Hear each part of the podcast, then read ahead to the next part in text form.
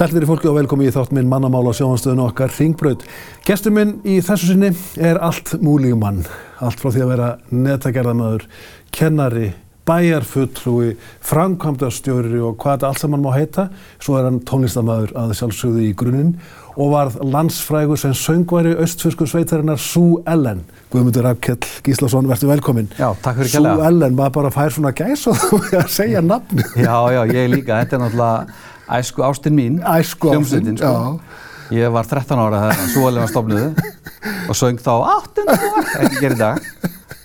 En svo er þetta ennþá alltaf að gefa út plötur. Þú ert búin að gefa út sólaplötur núna fjórar í röð og örfáum árum. Já, ég, hérna, ég byrjaði að gera soloplötu 2007 með Halla Reynis vinni mínum, heitnum, Trúbador. Og svo liði nokkur ár, gerði hérna Súalið plötu 2013 og svo byrjaði ég 2017 að gera soloplötur Já. og svo einn 2020 og svo núna. Þannig að þetta er þriðja platan á fimm árum. Já, já. Þannig að það er bara stuð. En af hverju ákveður þetta á gammarsaldri? Ég meina þú náttúrulega að vísu bara réttur umlega 50 strák sketti. En sko, ertu bara að fara að þínum geður á þeim?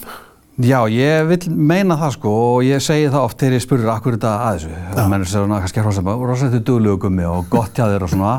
Og hérna, ég ákvaða bara að ég er hættur að afsaka þetta eitthvað. Þetta er sko, þetta er, ég er að gera þetta að því að mér finnst þetta gaman. Og þetta er ástríða. Þetta er ástriða, ég er ástriðu tónlistamæður.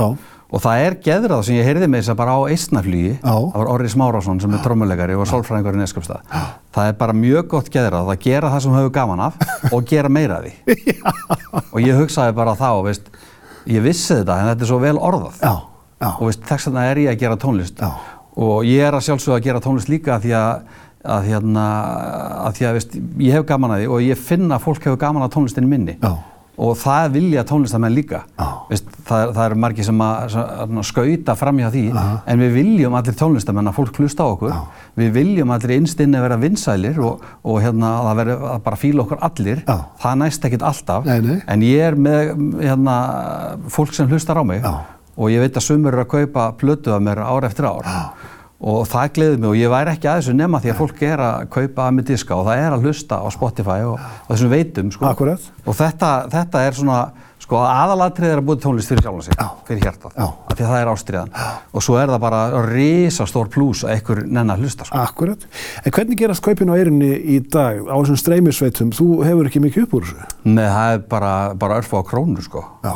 Á Þannig eitt streymi er hvað, hálfkróna? E eitt streymi er cirka hálf króna þannig að vinsalasta lagi mitt á Spotify sem er búið að streyma núna tæpilega 50.000 sinnum Já. sem er lagi Perla sem Bubbi söng með mér þannig að ég er búin að fá cirka 25.000 í tekjur af því er sem svo. er bara eins og tíu geisladiskar sko. þannig að það er að vísu sko ríkið hefur komið til, til mótsu okkur tónlistamenn þannig að það er sjóður sem að endugreið 25% af, já. og það munar alveg hellingu það Já. og það má hrósa ríkinu fyrir það Einmitt. en samt sem áður síðan að sala sko á diskum og vínplötum dalaði svona mikið þá komur henni ekkert í staðinn af tekjum fyrir tónlistamenn þannig að tónlistamenn hafa lítið sem ekkert og flesti borga með sér Já. og ég borga alveg með mér í þessum bransa sko. Aha. það er bara, ég viðkjörna það fúslega Já. en mér finnst það bara peningum vel varið ég þekki menn sem eru í allskynstellum og eða miklu meiri pening í eitthvað sem skilur ekki neitt eftir sig að mínum að sko. Segur. Sko eins og ég gætum að þú varst landsfrægus og söngvar í Sú Ellen og Sú Ellen var svona rjómi austfeskrar tónlistar, rock tónlistar á sínum tíma, stopnuð þarna upp úr 1980 er það ekki? Jú, 83 83 og þú ert 13 ára strax skjatti. Já, og við vorum bara, veist, það var rauninni bara æði á Íslandi, það var, veist, Bubbi Mortens hafi komið fram með auðdagsmönnum og Ísbjörna Blues og svo kemur Rocky Reykjavík. Og það er einhvern veginn bara sko sparki sem, Mhm. Já, já. sem sparkaði allavega mér og, og vinnu mínum, Steinari og, og Átnavíði og Jóni Benjamin sem voru uppalegi súalen, sparkaði okkur á stað í þetta já. og við vorum sko ekki að pikka upp tónlist eftir Nei, allt- allt frumsamið. Allt frumsamið. Þú samtið textana? Ég samdi textana og við söndum lögin saman og, og svo var Steinar aðalaga höndur Súalennar og Bjarni Tryggva trúbótur frá nóg fyrir samdi texta fyrir okkur líka og, en uh, sko uppalega vorum við bara að semja tónlist Já. Vorum- kunnum ekki ekkert einasta lag eftir aðra Og þetta voru djúpældir textar.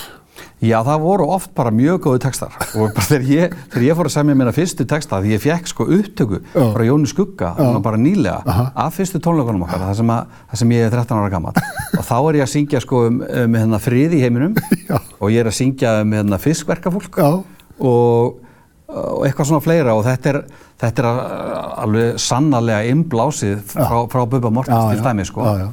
En valla fermdur strákurinn. Nei, af alla færndur sko. Þú lærði það í að... Já, já, þetta er, þetta er rauninni mjög fyndi sko. Já, en svo farið að túra um all land þrátt fyrir ungan aldur og kaupið rútum að kójum og alles. Já, já, við vorum bara með markmið og ég held að ætti bara að setja í svona markmiðabækur hvað, hvað svo helen gerði. Já. Þannig að við sömdum lög og við sömdum lag sem að heiti Símon, Já. Símon og Lassin með Gólduskum hálsin. Og við fundum að þetta virkaði á svona skólaböllum og, og barnaböllum fyrir austan. Ég gæti látið allan salin syngja með sko Símon er Lassin með Gólduskum háls. Það er bara, strákar, þeir eru hittari. Já. Við, við komum bara í fyrsta seti vinstallista rásatu Aha. og það ákvaðum við bara uh, tveimur árum árum gáðum lagi út og það var alltaf, vorum við bara að horfa sko, við ætlum að koma þessu lagi í fyrsta sæti vinsandlista rásatu Og það gekk eftir. það gekk eftir. Og við vorum útgefandi sem að vinnur okkar sem vann með okkur á netagerðinni Já. og hann raka okkur svolítið áfram. Hann sagði, skrifaði eins og í brefi til mín sendibrifi, ætlið að drepa Símon? Það var hann að meina að við vorum ekki að halda okkur efnið að koma Símoni út. Já, en svo fóruð þið að túra um all landi og þessari frægur rútu og, og, og hún fauk einhvern tíma út á veginu, ekki? Jú, þetta var náttúrulega Þetta var náttúrulega ótrúlega saga með hugsaðum það. Við erum svona ungir, kaupandi söngkerfi og ljósakerfi og hljóðkerfi og rútu. Rútunar urðum nú samt sennilega þrjári eða eitthvað. Þetta var svo síðasta stæsta með kójónum. Já. Það var svona langfæra bíl. og, hérna, og já, við lendum í því að, þá voru við reynda fyrir sunnan Steinar, bassalegari og söngari með mér í Súali en hann var að kera rútuna eitt suður suðulegina og lendir í því hjá Viki Myrdal að bara brjáluðu veðri, rók og rigningu og, og rútan fíkur á hliðina. Aha. En hann slasaðist ekki, rútan skemmtist tölvöld mikið, græðan blotnuðu svolítið Já. og við vorum að spila á Gaukastöng daginn eftir að þetta gerist Aha. og hún var sem bara hýð á hliðina og við fórum til mótsu steinar og kerðum með hann með bæinn með sko bara plast fyrir frambrúðinni, bara svona garðaplast Já. og komust í bæinn og svo var bara held úr og, græðan og vatni það sem var vatn og nota hárþurka til að þurka fyrir kvöldi. Og svo bara slegið í. Já, svo bara bara talið í kvöldið aldrei verið betri, sko. En þið voru sko ekkert að láta ykkur hérna hafa áhrif á ykkur að, að keira bara landslutan á milli. Nei, við, Fyrir eitt gig eða tvö. já, við erum náttúrulega sko að vera með hljómsveit í Neskustad og alltaf ná ykkur um árangri og verða jafnvel þekktir og fá að spila á helstu stöðunum með náttúrulega vestastaðsending nánast sko, ever. Að því að Reykjavík er 700 km í burtu Já. Og ef þú vilt spila á Ísafirði þá er það orðin sko 1200 km. Já, já, er nánast bara sólarhingurinn í Já, ferðalag. og við gerðum það með þessi nokkur sinnum sem ég mér finnst mjög merkilegt. Bara fyrir tvö böll í sjálfanum Ísafirði, kerðum við á rútunni frá Neskjöpstað til Ísafjörðar, spilum tvö böll og kerðum aftur heim. ég er ekki sem allir myndi leggja þetta á sig í dag. Þetta heitir að brenna fyrir starfinu. Þetta er brennan í starfinu. Já. Og líka bara okkur fannst þetta svo gaman. Þetta var, ég, við vorum kannski ekki alltaf að- með eitthvað markmið að verða þekktar eða frægar eða eitthvað svona. nei. Okkur fannst bara rosalega gaman í því sem við vorum að gera. Okkur fannst svo gaman saman. Við erum svo góði vinir. Þetta voru bara forrið þegar þetta verið hljómsveit og vera alltaf að skemmta sig Aha. og fá að borga fyrir það. Akkurat. Skilju. En sko var það ekki nettakerðin sem uh, lagði grunninn að þessu stórveldi sem svo Ellen varð með rútu og græjum og hljóðkerfu og öllu. Þú vannst í nettakerðin hjá mömmuðinni Já. um árabil. Já, já, mamma vann á skrifstofunni og ég byrjaði að vinna hjá henni þegar ég var 15 ára gammal og það er unnu þessi strákar Einmitt. sem voru með mér hljónastinni, flestir Já, já. Og líka allir kjartin í kringum okkur Já. sem að einmitt aðstóða okkur við allt Já. sem vorum að gera og stuttu okkur í einu og öllu. Já. og þess vegna var þetta orð til núna um daginn þegar Yngvar Lundberg hljómbásleikarinn okkar lest þá var þetta orð til, eða það hefur kannski verið orð til en þá var að nota stert, það var semst svo ellen fjölskyldan. Já. að þetta var svo miklu meira heldur en við. Þetta voru við, þetta voru aðstofamennir okkar þetta voru vinnur okkar en þetta gerni Mhm. og þetta voru kærustundur okkar konurnar okkar þetta var bara, veist, bara stór hópur. Já. En Gummi, hvað er norðfiskara heldur en að rimpa og riða nett? það, það er að fara á sjóin kannski norðfiskara. Pappi fór náttúrulega á sjóin. já, pappi var skýrstjóri pappi var skýrstjóri og afið minn var skýrstjóri og útgerðamaður og, og pappi er skýrstjóri þá til ég fjögur ára. Já. þá er, semst útgerð, þá er afið minn látin og þá er útgerðin seld og pappi kemur í land. Já, þannig ég man svona meira eftir pappa í landi heldur en út á sjó. Já. En hann var hins vegar sko þótti og var góðu nótaskipstjóri þannig að þó að hann væri komin í land og var að vinna sem hafnafur Já. þá tók hann báta á síldavertir, Já. tók einu eina vertir Aha. En sko, tími fyrir ringi og þú ert komin af uh, fórfæðurum áum sem stopnuðu þetta fræga fyrirbæri sem er samvinnurhefing útgerðamanni í Neskustad, Já. Sún. Mann Já. Og uh, nú ertu framkvæmstjóri Sún, Já. en það voru áarðinni sem stopnuðu þetta vegna þess að þeir voru að brjótast undan ofriki norðfiskra kaupmanna Já, það var, Sún var stopnað 1932 Já. sem samanfélag í kreppunni. í kreppunni og þetta var þannig að það voru tveir útgerramann í Neskostá og þeir, þeir réðu algjörlega yfir bæjabúum og, og meðalans yfir útgerramannunum Já. seldu þeim salt á okkur verði og ákvaðu svo líka verði sem þeir keftu saltfiskin af útgerramannunum og fluttu þessu út Já. Það var rannu upp uh, gegn þessu ofur valdi kaupmannana sem Sún verði til Aha. fyrsta verkefni Sún var rannu að flytja bara eitt saltfarm til Neskostáðar Þetta er eiginlega fyrsta byltingin í Neskustad. Já, örgulega, örgulega svo fyrsta og þetta, bara svo með skynni hver breytingin varð, Já. þá fór sko verðið úr sko, kaupmaðurinn var að rauka 55 krónur fyrir saltið, Já. þeir komiði nýri 30, og, um 30 krónur með því að kaupa það sjálfur Já. í félagi Já. og þá fundu þeir náttúrulega bara samtaka máttinn Akkúrat. litlu útgerðamenn Já. og síðan þróast sún út í það að verða það, það flytur út og það er að kaupa aðfeng fyrir útgerðamennina og verður svo fiskvinnslu fyrirtæki og útgerðafyrirtæki Já. Og er, er, er, um tíma bara já. atvinnuveitandi í Neskust Einmitt og leggur grunninn að stofnun síldavinsluna. Já, svo stopnar, eh, er, er Sún aðal kvata fyrirtækja því að stopna síldæmisluna Aha. 1957 Já. og Sún á 60% í síldæmislunu þegar hann er stopnuð. Já. Þannig að Sún er gamla móðurfélag síldarvinnslunnar. einmitt, og 11% í dag. Og 11% Þú í ert dag. í því gæðmilda hlutverki, ef svo má segja Guðmundur Afkjell Gíslason, sem framkvæmtastjóri Sún, ertu að byggja upp samfélagið að innan. Þið veit þessum peningum út í samfélagið. Já, við gerum það. Af því að í eðli sínu, bara eins og félagi var stopnað 1932, það er þetta samvinnufélag. Mm. Þannig að það á engin í því heldur hann leggur inn sem sin, sin, sin hlut í samvinnufélaginu Já. og við fáum mjög góðan arð af hlutabreifunum okkar í síldæmislinu. Já. Og það er langt síðan að stjórn Súna ákvaða að nota þá peninga bæði í rekstur því að við erum að reka búðir í Neskustaf og Reyðafyrði og svo erum við, semst, það, já, þá erum við að nýta þessa peninga í allskinn samfélagsmál Já.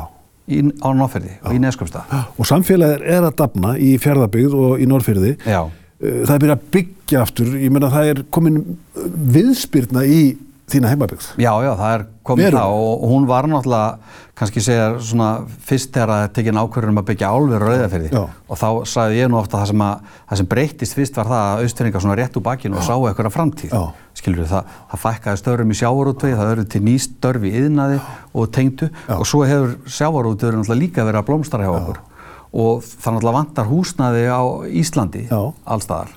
Og líka á landsbyðunum en það er oft svona þingra að fara í ganga á landsbyðunum En það er byrjað. það er byrjað Já. en það er líka því að fastegnum verður hefur að hekka þá sjá mér, ok, það er, það er líka viti að byggja. Já. En þú tókst þátt í þessu svakalega æfintýri sem var að byggja þetta þorp í kringum smíði álvesins á reyðafyrði, já, byggja það upp og eiginlega taka það niður. já, já, það er reynda gengið aðeins ítla að taka það niður en það er ekki mér að kenna. Já. það er ennþá einhverju kofar hann eftir. Já. já, ég, ég kynntist normönum þegar ég var að rekka eigilsbúð, þegar ég var veitingafæður eigilsbúð Já. þá höfðu normenn samband við mig sem voru að bjóða í mötundisrekstur upp á Káranjúkum og höfðu líka áhuga að bjóða í mötundisreksturinn á, á Reyðafyrir þegar álverið er í byggt. Og ég var svona í samstarfi við þetta fólk og rálaði og svona kendi ég aðeins á íslenska innvið og svo endaði með að þau buðu mig starf á Reyðafyrir Já. Að vera sem starfsmannastjóri og sjá líka um afþreyingu starfsmanna og annað slíkt. Og þá var ég ennþá að reka eilsbúð á samt konu minni og, og Birgir Búasinni félaga mínum sem var kokkur. Já. svo, hætti Birgir og við vorum tvö eftir með þetta hjónin í eilsbúð og ég var hann svolítið leiður á því búin að reka veitingahúsi í nýja ára og langaði að fara að gera eitthvað annað. Þannig að ég ákvaða að slá til og prófa að fara að vinna á reyðafyrir við þessa uppbyggingu. Og kona mér held áfram að reka eilsbúð Já. og svo hætti við því reyndar sem raun saga.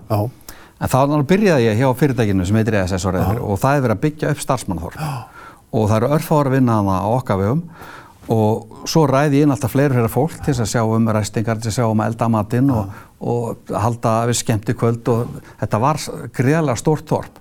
Það, það er svo óg sko og þetta var þryggjara tímabil og það bygguði hátt í 2000 manns í þorpinu þegar mest var og við vorum með yfir 200 starfsmenn Já. og ég sá semst um að ráða alla þessa 200 starfsmenn og reka á alla aftur. Eitt stórt æfintýri og Já. þessi uppbyggingarsaga er náttúrulega mjög þekkt. Þetta var rétt ákvörðin að hvað að koma álverðinu fyrir á reyðafyrði. Já, ég held að það hefði verið alveg háreitt ákvörðun, en hvort að menn myndu taka nákvæmlega þessa ákvörðun í dag, ég, það, það er hins að það eru, það eru aðri tímar. Akkurat. Og ég er að mörguleiti mjög ánægð með álverið, mér finnst það reyndar ekki líta nóga vel út, Nei. mér finnst alveg hörmung að sjá það og mér finnst það eina, eiga skamma algóða fyrir að láta það ekki líta betur út. Aha. Þetta er eitt nýjast og flottasta álverið í heiminum og það lítur út eins og gömul sílda bræsla, sko. Bræslaðunir okkur líta miklu betur út. Já, já, Þannig að þeir með að taka sig á þar. Akkúrat. En fyrirtæki hefur gert mjög gott fyrir líka bara uh, starfsmenning á Íslandi, Já. öryggismál og annað slíkt. Tók miklum framförum á Austurlandi og öllu Íslandi í kjölfarið og uppbyggingu árlega sarkóa. Búin að koma víða við Guðmundur af Kjell Gíslason sem er gestur minn að þessunni einn mest í norðurfyrðingurinn sem ég þekki á þessu ágæta landi eftir andartak ætlum við að fara ofin í Djúpandal með honum þegar að bróður hans Ídluheili svifti sér lífi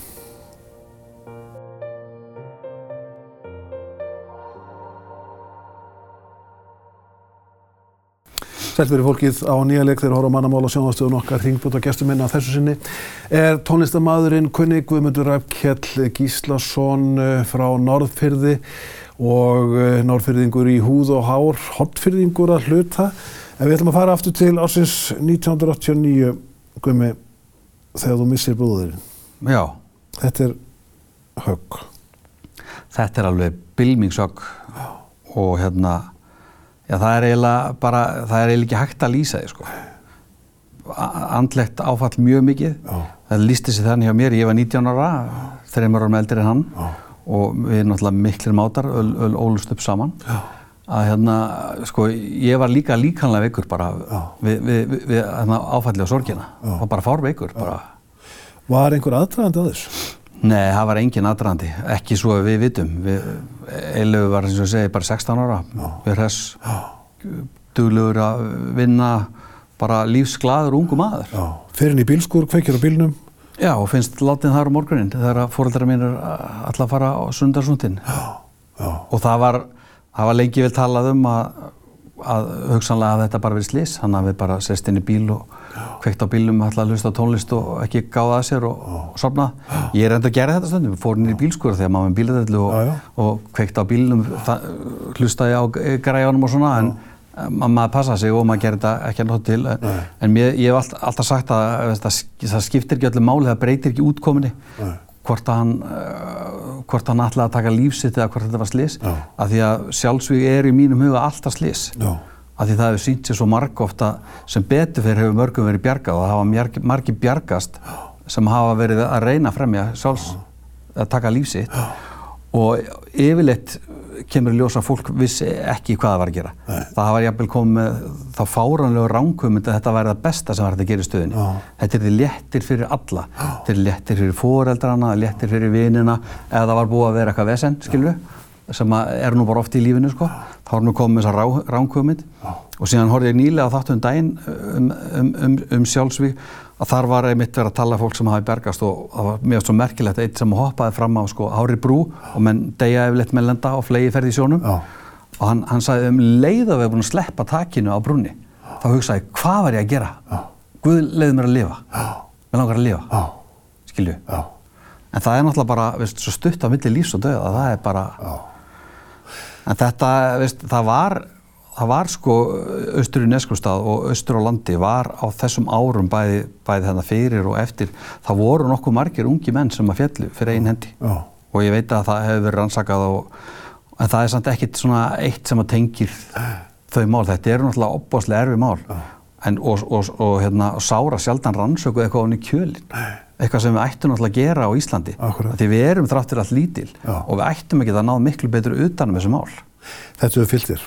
þetta hefur fyllt mér og móta mig alveg og eina góða sem kom út úr þessu veist, það kom ekkert gott út úr þessu en ég er samt eina góða sem kom út úr þessu er það að þetta gerði mig að betra manni ég veit það, ég horfi allt öðru svo lífið Já. eftir Já.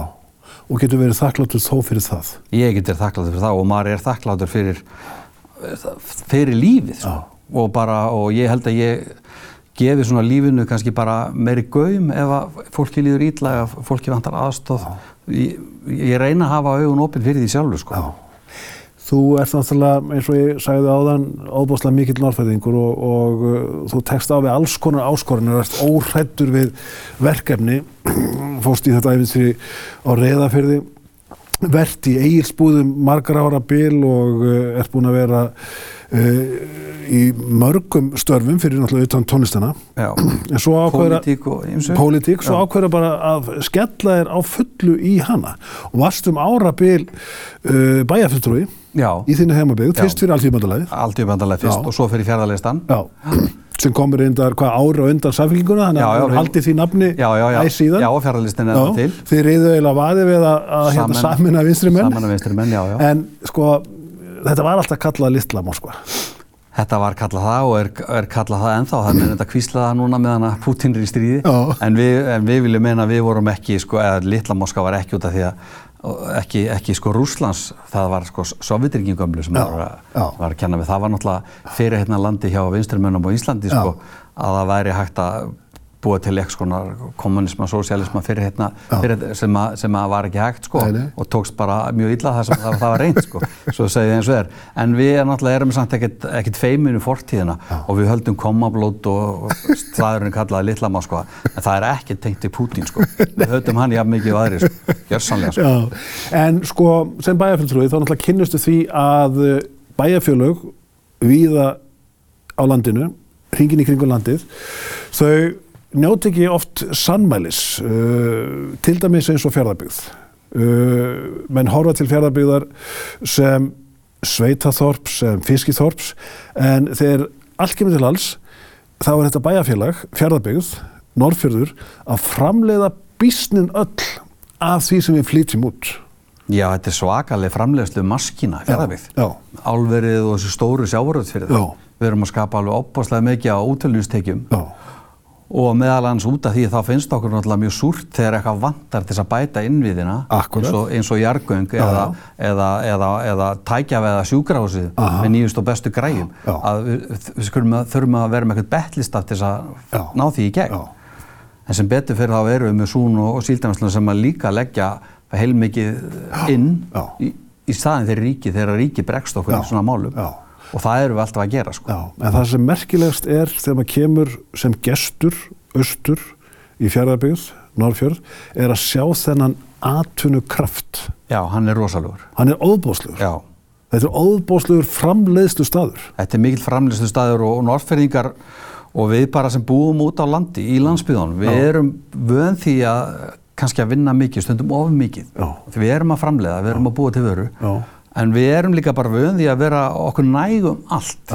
Þess vegna er ég kannski líka tónlistamæður, Já. vegna þess að hefðin var svo í neskjöpstað að það Já, já. menn væru að spila. Já. Vist, Smári Geirsson, vist, vinu minn og, og, hérna, og samstagsmaður í pólitíkinu, hann var líka maður sem ég leit upp til. Já, já, fyrir, hann var kennari. Já, býð fyrir hverður. Já, ég skilja hvað þess. Hann var kennari Já. og hann var tónlistamæður og hann var veist, allt í öllu. Og þannig varði ég líka, sko. En þetta er galdurinn við litlu, fallegu, blómlegu sveitafélagin víðalandinu. Það verður svo mikið úr hverjum á einum. Já, þú, þú, þú bara eftir sem þið eru færri, þeim mun viktar meira samfélaginu. það, er, það er bara þannig. Já. Og þú getur líka verið þáttakandi í, í öllu í, í, í smærri byggð. Sko. Er, ég veit ekki hversu auðvelt það er í dag að í, í Reykjavík að koma sér í leikfélag og leika á sviði eða, eða, eða koma sér í hljómsveit og spila balli eða eitthvað. En þetta er tiltölulega lítið mál, Já. austur í Neskustad. Já. Mjög lítið mál. Já. Þú ert aðtökumæður og hefur lent í ymsu, tekið aður alls konar verkefni og það er kannski dæmi gert fyrir þig, Guðmundur Afkjell, að eh, þú lærir til kennara. Já, ég lærið til kennara. En verður aldrei kennari? Nei, það, það bara, það bara orsakaðist þannig. Ég var hérna, ég lærið til kennara í háskólanum Akureyri Já. og mér leiði rosalega vel á Akureyri, Já. okkur hjónunum, með, með e, dóttur okkar. Já. Og hérna, veist Akureyri er bara eins og minn annar heimabær. Aha. Og ég ætlaði að vera kennari og, og undir markmið skólastjóri. Já. Ég skrifaði lokaríkjað um skólastjórnum. Og eftir áramót var ég með þess að búin að kaupa mér sko kennarafötin og allt, því ég ákvaða en að rífa kennarastarfið upp á hans herra plan og ætlaði að vera vel útlýtandi, lít, vera sérst, vel klættur og Já. flottu kennari. Já. Og kaupaði mér ekki sko flott föt og allt, bara tilbúin til að vera kennari Já. næsta haust. Já. Svo gerist það að hérna, réttir í páskan að, þennan, þennan vetur þegar ég er frá útskrast og vorið að, að eigilsbúð er auðlist til umsóknar. Já, já. Þá voru menn undan mér Já. búin að leggja þær gunn, grunna góður í starfsemi, það var semst enga reikið félagsemilið með Pitti 67 og dansleiki hald og tónleika og, Já, já. og gisting og allt þetta. Og svo var semst Páll Lárus Sigurjónsson sem er núna hóldistjóri Hótel Hljá, það var hann að hætta félagin Guðmundur Ingvarsson hafði verið með honum að vera hættur aðeins undan og Palli semst ákveður að hætta og sveitastjóðinu auðlýsir félagsemni til leigu. Og þá bara allt hennu var þetta tækifæri sem ég var svo ótrúlega spennandi að, að hérna ég hafði sambandi að- og leiður okkar lága saman minn og Birgis og hann var kokkur og ég hafði svona vita á tónlistar og, og menningarlíf fannst mér þar sem við getum gert þetta saman. Og við sóttum um og við fengum. En hvað var það um fötin? kennarföti, ég notaði þau sem er ég sko, var að taka á móti fólki og svona þetta voru sömu föti sko. Og það er frægt að- Ve- og og það er frækt að þú gegst í öll verk. Já, já, ég gerði Já. bara allt í eisbú og, og hérna, og, veist, maður verður að gera það með rekast eigi fyrirtæki, ég reyndar eldaði ekki, veist, því að Birgit sá um það, en veist, maður sá um að resta og maður sá um að þjóna, maður sá um að, taka á móti fólki og, og maður fór upp á svið og þess þurfti líka, veist, þannig að stundum fannst fólki þetta skríti sem kom í eisbú og þekkti ekki til að ég kannski tók á móti þeim og vísaði til sætis og kom svo með vínseðlinn og eitthvað slíkt og síðan ef að eldi ekkur eða þá kom ég og þreif það upp og, og síðan byrjaði dansleikur og þá var ég komin bara á svið Það bara, þannig er þetta bara Ekta Guðmundur Eifel. En er of sent að vera kennari? Nei, það er alls ekki seint Nei. nei það, ég, ég er ennþá með það svona bakvið í kollinu það, það geti alveg gerst sko Já. Mér veist kennarast alveg gríðarlega heitlandi starf kona mín er kennari Akkúrat. og ég, ég dáist mjög að kennurum því þetta er líka mjög erfitt starf Akkurat. Og, Og- þú myndir ennþá komast í fötin? Já, ég er endur á þessu fullling ég myndi komast þau ef ég ætti Segir Guðmundur Eifel, Íslands og gestur minna þessu sinni sem var að gefa frá sér plötuna Einmuna tíð. Já, Einmuna ein- tíð. já. Þetta er þín einmuna tíð. Að vikuleginu verður annar gestur í hans sæti að segja frá annar efi og öðrum störfum. Í millitíðinni verið góð hvert við annað.